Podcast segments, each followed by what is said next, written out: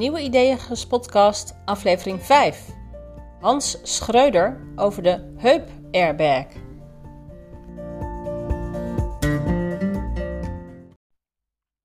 In deze aflevering praat ik met Hans Schreuder. Hij was projectontwikkelaar, had een oude moeder en heeft de heup airbag uitgevonden en op de markt gebracht. Ik zit hier met Hans Schreuder en Hans Schreuder heeft een mooie uitvinding gedaan. Vertel Hans, wie, uh, wie ben je en wat doe je op dit moment? Nou, um, ik ben uh, zeg maar 40 jaar actief geweest uh, in de projectontwikkeling. Mijn laatste project was de Markthal in Rotterdam. Daar heb ik tien jaar aan gewerkt. Vijf jaar voorbereiding en vijf jaar bouwen. En zeg maar twee jaar voordat ik daar stopte, um, had ik op een gegeven moment, uh, zag ik het probleem steeds groter worden bij mijn moeder. Die zat in het Johannahuis in Wassenaar. En het probleem was dat ze vaak viel en de verzorgenden eigenlijk niks voor haar konden doen. Behalve haar weer oppakken als ze op de grond lag. Nou, dat vond ik vreselijk. En ik was ook heel bang dat ze een heup zou breken. Mm en uh, toen was het uh, december. Wij maken altijd in het gezin uh, surprises met elkaar. Met mooie surprises en lange gedichten. En toen dacht ik, ik heb een idee. Ik maak een airbag voor haar. Voor de heup. Ja. Zodat als ze valt, dat ze de heup niet breekt. En waar heb je die van gemaakt? Maar wat doe je dan? Dan ga je naar de speelgoedwinkel. In dit geval de Intertoys. En dan koop je zo'n mooie gele zwemband. Ja. En daar heb ik een uh, slangetje aangemaakt van, uh, van een fietspomp. Dat slangetje heb ik erop vastgemaakt. En ik heb op die band geschreven dat dit haar airbag is en dat die haar goed kan beschermen. En op de rijm, daar schreef ik, uh, lieve ma, als je nou door het huis gaat lopen, zorg dan dat je deze band om hebt. En zodra je denkt dat je gaat vallen, pak je dat slangetje dan ga je heel hard blazen. en dan beschermt je. Nou, dat uh, vond ze natuurlijk prachtig. Um, ze was er trots op uh, dat ze die mooie airbag had. Ze heeft hem uh, aan een haakje waar normaal een schilderijtje hangt opgehangen. En dan kwamen de verzorgenden binnen en die zeiden: Mevrouw Schreuder, wat is dat? Ja, dat is een airbag. Dat kun je toch zien? Voor je heup. Maar hoe werkt dat dan? Nou, als je gaat vallen, moet je gewoon heel hard blazen. En dan doet hij het. En zij vertelde dat heel overtuigend, maar die verpleegde verzorger die dachten natuurlijk, nou, die is niet helemaal goed meer. De volgende fase is ingetreden. De volgende fase is ingetreden, precies. Nou, en toen, een halfjaartje later, toen was ik onderweg en kreeg ik een telefoontje van het Johannahuis. En ja hoor, ze waren bang dat mijn moeder de heup had gebroken. En ik dacht, jeetje, wat balen. En ze vroegen of ik langs wilde komen. Dus ik heb meteen rechtsomkeerd gemaakt. En ik ben naar het Johannahuis gereden. Maar op weg daar naartoe dacht ik, ja, waarom maken we niet een echte airbag? Eentje die het echt doet. In plaats van zo'n uh, zo'n uh, band van uh, Intertoys. Toen dacht ik, ja, hoe kom ik er nou achter of dat kan? En toen heb ik een kennis gebeld, Filippo van Hellenberg-Ubaar, een jonge gast. Die had lucht- en ruimtevaarttechniek in Delft uh, gedaan en werkte bij een consultancybureau in Amsterdam. En ik belde hem op. Ik zeg, uh, Filippo, ik heb het volgende idee. Zou het mogelijk zijn om zo'n heup-airbag te maken die opblaast uh, voordat je de grond raakt bij een val en dat je je kan beschermen? Ik zei, je mag in de lach schieten, maar je mag er ook een week over nadenken. Nou, hij koos voor dat laatste. En na een week belt hij me op en uh, hij zegt, ja, ik heb uh, wat gegoogeld, ik heb met wat mensen in Delft gesproken. Ik denk dat het kan. Wauw. En toen dacht ik van, uh, ja, hoe ga ik dat dan verder doen? Toen zei ik, heb je zin om met mij dit samen te ontwikkelen? Toen zei hij, nou, dat lijkt me wel hartstikke leuk. Naast jullie banen? En naast zijn baan. maar toen heeft hij bij zijn baan gezegd van, nou, is het mogelijk dat ik daar twee dagen minder ga werken. en dat ik daarnaast een andere activiteit op start.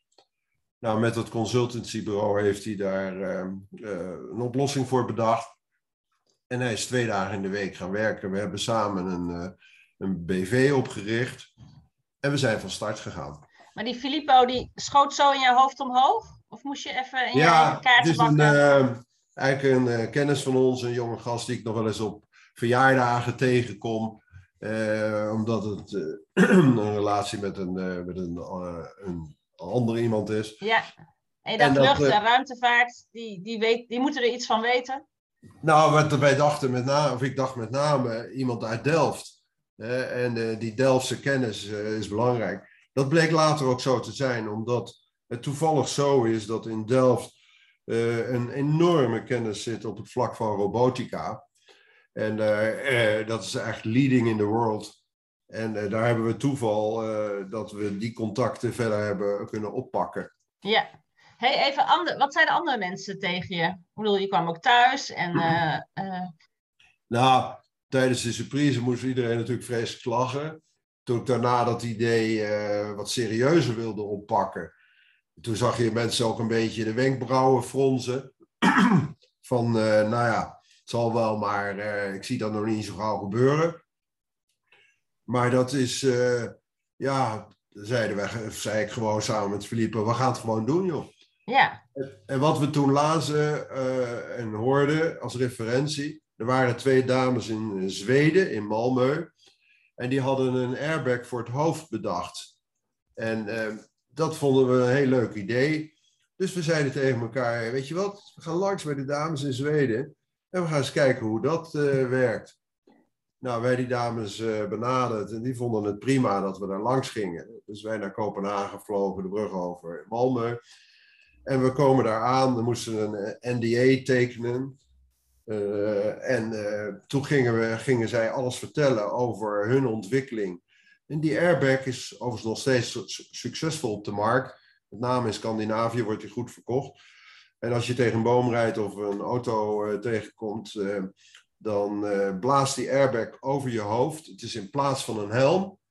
En hij heet Heufding en dat betekent opperhoofd. En toen dachten we, nou, we gaan met die dames samenwerken. Dat lijkt ons leuk, dat was heel gezellig ook. En toen gingen we terug en uh, toen zeiden we, nou, we gaan dat proberen om met die dames die samenwerking op te zetten. En toen zei Philippe nog tegen mij, maar we gaan er niet zo lang over doen hoor. Ze waren vijf jaar bezig geweest, die dames, om het te ontwikkelen. En zei Philippe, dat kan heel sneller. Dat gaan wij zeker binnen drie jaar doen. En jullie al allebei twee dagen per week? Uh, ja, ik deed ook ongeveer twee dagen in de week.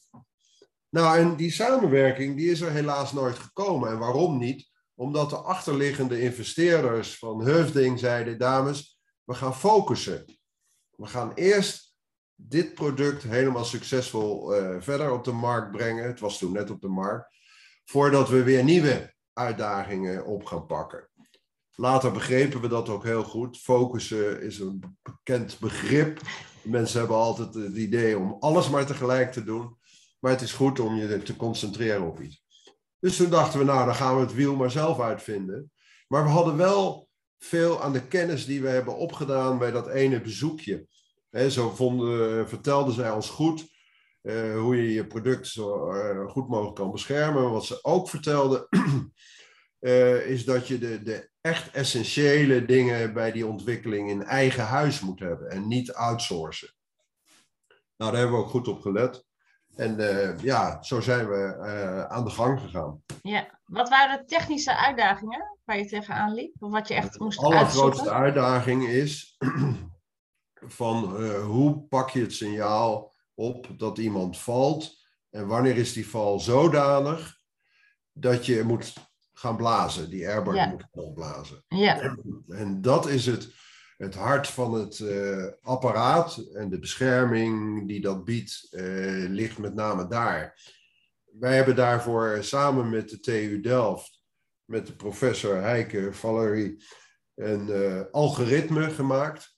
En dat algoritme maakt een onderscheid tussen normale bewegingen en een echte val. Ja, ja. Normale bewegingen voor wat oudere mensen, dus bijvoorbeeld je veters strikken, iets oprapen van de grond. Ja. Maar uh, ook het ploffen in een stoel. Ja. Het laatste mag hij niet afgaan. Ja. En nou kan je met dat algoritme dat zodanig afstellen en regelen, dat eh, al die bewegingen horen tot de normale bewegingen. En de andere bewegingen, een echte val, dan moet hij gaan blazen. Ja. Er zit op de rug een centrale computer. Die centrale computer die is verbonden met een drietal sensoren. Die sensoren bestaan uit uh, accelerometers en gyroscopen. En die geven een paar honderd keer per seconde de informatie over de beweging van het lichaam door naar die centrale computer. Ja. En daar wordt een vergelijk gemaakt tussen die bewegingen en de bewegingen die geschreven zijn op dat algoritme. Ja. En als er dan een match ontstaat en zeggen van nou, let op, nu ga je te ver, dan wordt er of links of rechts, dan wel allebei de kanten, een zakje opgeblazen die je beschermt op het moment dat je valt. En dat gebeurt door de activatie van een gaspatroon. En dat gaspatroon dat krijgt uh, met een piepklein stroompje op dat moment een signaal. En die gaat met 200 atmosfeer dat zakje opblazen. Jeetje. Is er ook airbag-kennis van de auto in Nederland? Of moesten jullie uh, ook nog naar Zuid-Duitsland of zo? Of... Wat zeg je? De auto heeft natuurlijk de eerste airbag die, de, die we allemaal ja. kennen. Is er kennis van in Nederland? Of moesten jullie naar de Duitse Daar is zeker kennis van, maar die hebben wij niet gebruikt. Um, het zijn een soort gelijke systemen, alleen die worden op een andere manier geactiveerd. Die worden geactiveerd doordat er iets wordt ingedrukt, bijvoorbeeld de voorkant van je auto. Dat is in die zin qua activatie gek genoeg veel simpeler. Ja. Bij ons is het veel ingewikkelder. Ja, het klinkt best ingewikkeld, ja. Beweging. Het, het lichaam maakt uh, zeg maar honderden bewegingen. En dat algoritme dat is haarscherp in het onderscheid tussen een normale beweging en een val. Ja. Overigens is dat algoritme, hebben we steeds meer moeten leren. Want in het begin hadden we nog niet alles goed eruit gedistilleerd, waar die uh, zeg maar niet moest activeren. Ja. Uh, en daardoor uh, ging het wel eens fout. Ja. Hebben jullie zelf getest of hadden jullie testpersonen? Nou, we niet... hebben heel veel zelf getest. Zodanig dat we allemaal, alle drie, want vrij snel na Filippo is Mendes uh, aan boord gekomen. En uh, we hadden alle drie uh, toch wel regelmatig blauwe heupen. Dan kwam ik op voor en dan zei ik, ik heb zo'n pijn in mijn heup. En dan zeiden Filippo en Mendes, je weet niet wat wij elke dag meemaken hier.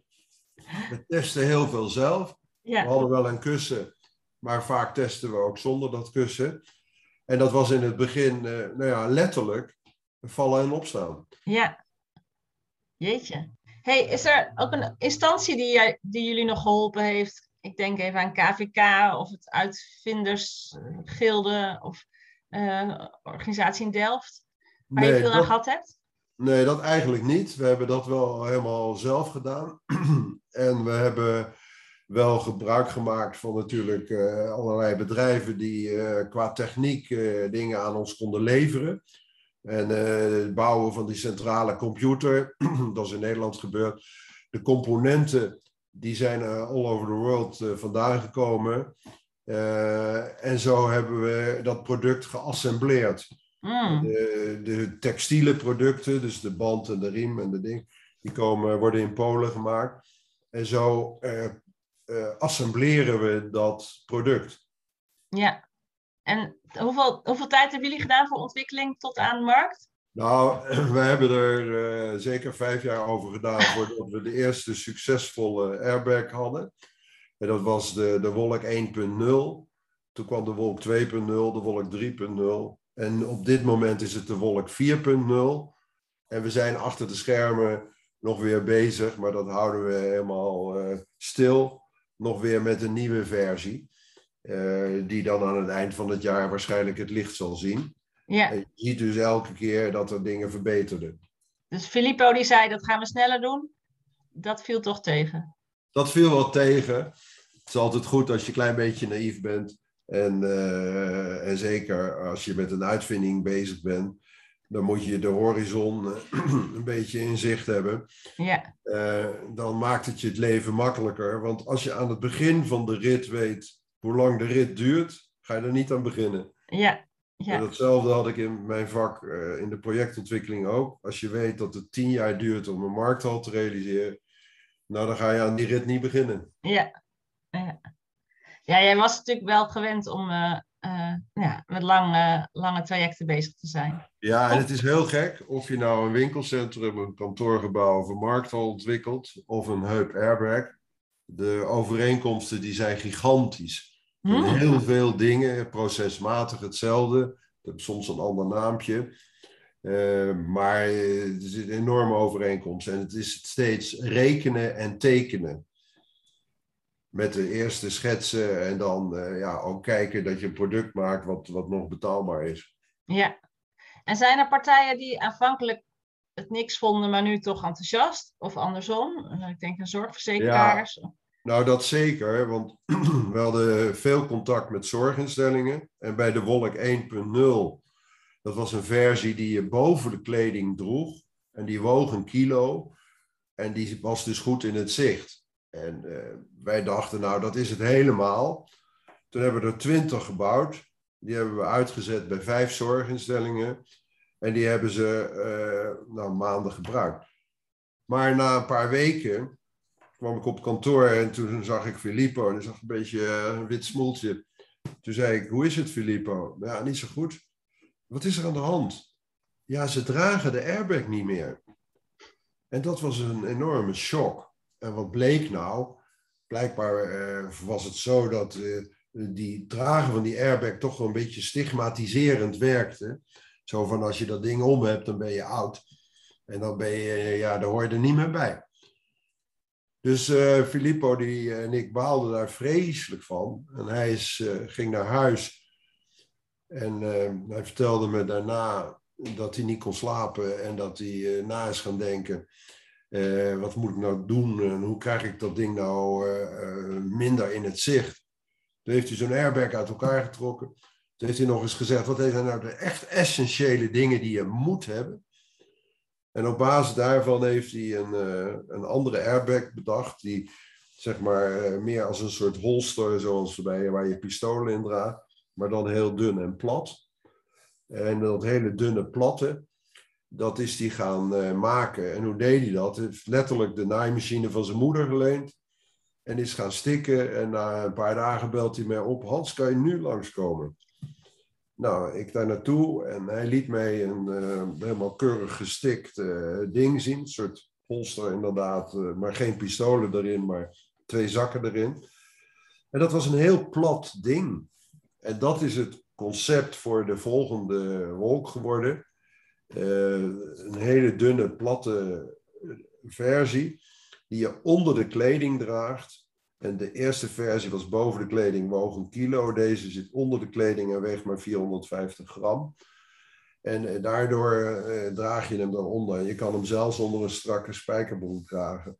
Maar als die afgaat, Ja, als die afgaat, dan blaast die eh, nou, met een dikte van 5 tot 10 centimeter op.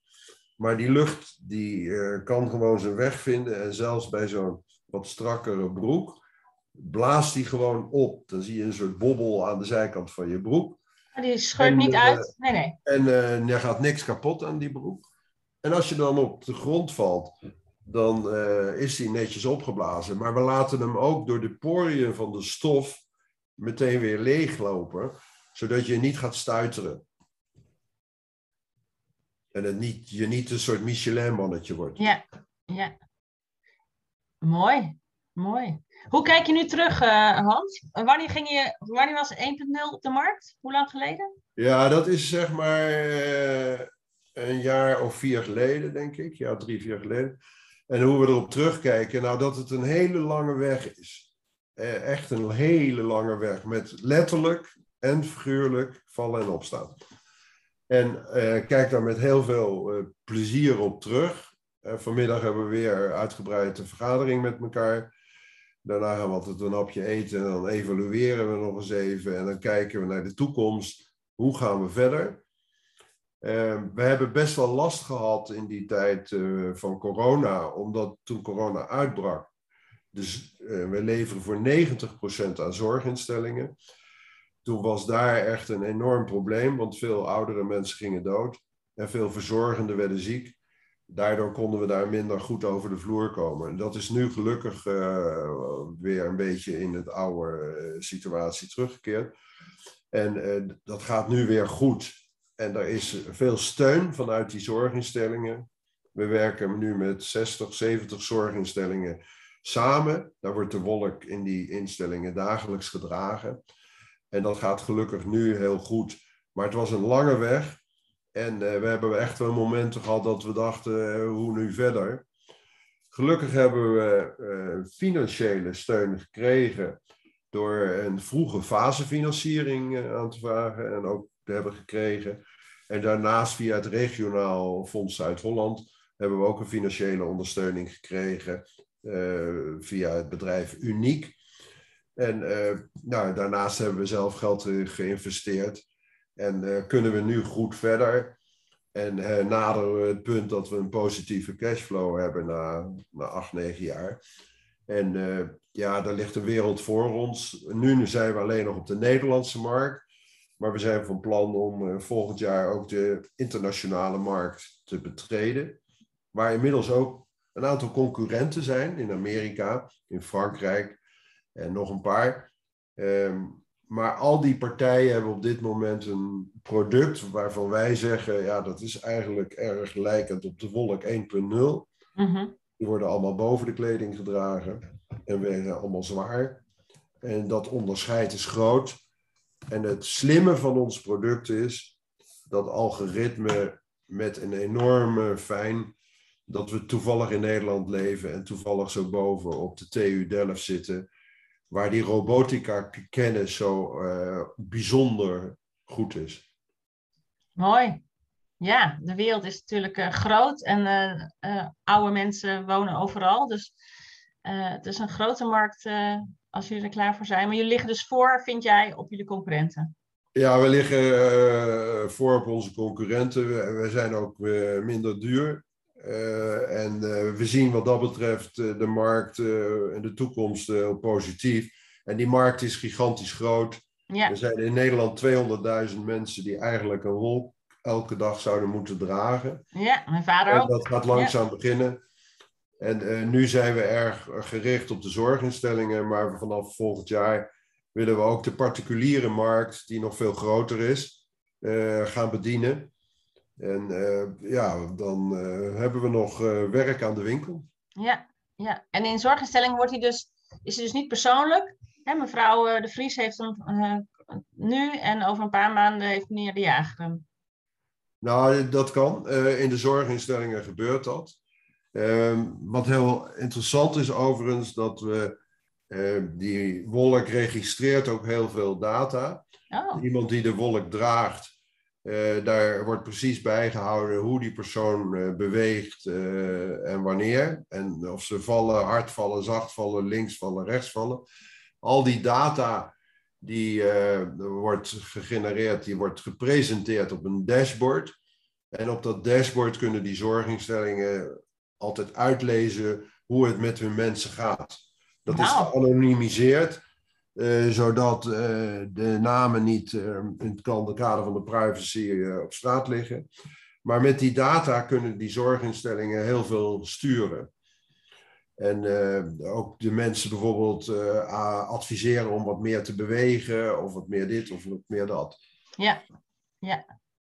Prachtig. En daarnaast is het ontzettend fijn dat deze wolk ook uh, zeg maar verbonden kan worden met de omgeving. Als je bijvoorbeeld als particulier de wolk koopt, je wilt hem dragen, dan kan je met een app uh, hem registreren op bijvoorbeeld uh, de telefoon van je zoon of dochter. En op het moment dat je dan valt, wordt je zoon of dochter via die app gealarmeerd. En er staat er meteen een kaartje bij waar de persoon zich bevindt. Dus mama of papa die uh, gevallen is en misschien met een wandeling in het bos uh, ligt, die kan meteen geregistreerd worden en er kan meteen op afgegaan worden. Ja, Zodat je eh, ja, je moeder of vader eh, letterlijk kan redden. dat zijn echt extra, extra services die jullie erbij bedacht en ontwikkeld hebben. Ja, dat, zijn, eh, dat zat allemaal niet in de Wolk 1.0. Nee, En dat zit er nu wel allemaal in. We zijn een beetje de, de Tesla onder de, onder de airbags geworden. En in die zin lopen we ook, eh, zeg ik in alle bescheidenheid, wel voor op onze concurrenten. ja, Dus eh er ligt een enorme markt eh, voor ons. Maar het belangrijkste is dat we ongelooflijk veel leed besparen. ja, het breken van de heup leidt in een derde van de gevallen tot een overlijden binnen een jaar. En in een derde van de gevallen worden de mensen nooit meer, eh, zeg maar, de oude. ja, Dat betekent dus dat er eh, de impact eh, van een heupbreuk gigantisch groot is. ja, ja, En daarnaast is het zo dat het breken van de heup kost 40.000 euro. 20.000 eh, voor de operatie met alles eromheen en 20.000 voor de revalidatie. En dat betekent, hebben jullie ook allemaal Dat- meegenomen in de business case. Ja, ja, dat nemen we mee in de business case en de eh, eh, financiers en, en verzekeraars kijken altijd erg naar, en dat hebben ze een mooi woord voor, de kosteneffectiviteit. Eh, maar we hebben bijvoorbeeld een test gedaan met een zorginstelling Tante Louise in het zuiden. Die heeft 48.000 euro geïnvesteerd in een aantal wolken. En die hebben 1,8 miljoen bespaard. Jeetje. Dus wat dat betreft eh, is de kosteneffectiviteit daar wel aangetoond. ja, En, eh, ja, maar daarnaast zeg ik, het besparing van het maatschappelijke leed, dat is eigenlijk nog veel belangrijker. ik ga er met mijn vader over praten, want eh, Ja, daar is ook een val zo gedaan. En ik zeg ook altijd, inderdaad, als je een heup breekt, dan is dat het einde. En dan eh, word je nooit minder oud. ja. Het is Ja. eigenlijk net een beetje als je in je auto stapt, dan hoor je die klik van je autogordel en dan voel je je veiliger. Datzelfde ook als je de airbag omdoet, Klikt. dan voel je Ja. je safer. En Ja. door je dat je je safer voelt, ben je relaxter en val je minder. Ja, Dus in die zin, en dat wisten we ook niet van tevoren, heeft de wolk ook een preventieve werking. heel mooi product. Ik heb nog twee vragen, Hans. Eh, heb jij een tip voor luisteraars die ook met een bijzonder afwijkend, innovatief idee rondlopen? Ja, eh, nou, een tip is in ieder geval dat je eh, zorgt dat je je enorm daarvoor gaat. Je moet een enorme drive hebben. En je moet ook, dat wordt dus al gevallen, je focussen op zo'n product wat je dan wil gaan bedenken. Het niet te ingewikkeld maken en er allerlei features eh, meteen omheen te bedenken. Maar zorg dat de basis van dat product werkt. En dan kan je het eh, mooier maken, features toevoegen eh, en noem maar op. In het begin is het product altijd te duur, want de kostprijs is altijd hoog bij de eerste aantallen. Daar zie je dan enorm tegenop. Dan denk je, ja, kan ik daar ooit een boterham mee verdienen? Nou, met die proefmodellen allemaal niet. Maar als je heel goed doorontwikkelt en je maakt het heel keen, bouw je dat product, dan eh, kan je vanzelf zorgen dat het later voordeliger eh, wordt geproduceerd in een ander land bijvoorbeeld. En dan lukt het je wel om die kostprijs naar beneden te brengen. Maar focus je daar niet te veel op in het begin. Onze eerste wolk eh, die was, had een kostprijs van 450 euro. En de verkoopprijs was ook 450 euro. En eh, wij vonden dat helemaal niet erg. Je moet wel zorgen dat je de financiële backing daarvoor hebt. Maar wat dat betreft is er in de wereld van de uitvinders, als het idee goed is, dan is er ongelooflijk veel geld in de markt. En wil, er zijn heel veel partijen die willen investeren.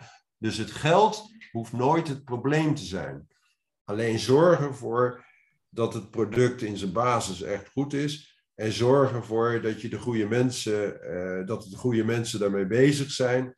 En dat ze de tijd ervoor maken en ehm, ja, de drive hebben. En als je Ja. een beetje na- naïef bent, dan helpt dat ook nog. Ja, naïef en optimistisch. Mooi. hey, en als mensen willen weten, Wolk, Wolk, welke website, waar moeten mensen naartoe als ze meer willen weten? Als je intypt Wolk Airbag, dan eh, kan je ons niet missen. En dan lees je ook het hele verhaal daarachter.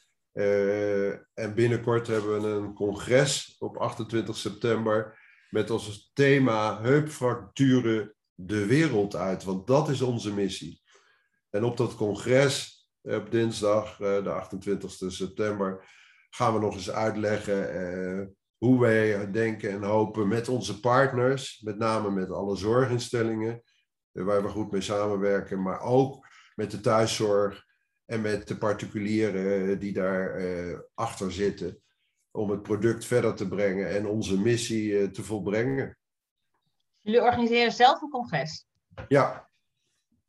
Uh, je kan het op LinkedIn lezen sinds vanmorgen. Um, en je kan eraan deelnemen. Het is voor een deel live en voor een deel digitaal. Digitaal. Ik zet er een linkje bij. Ja. Heel hartelijk dank, Hans. Oké, graag gedaan.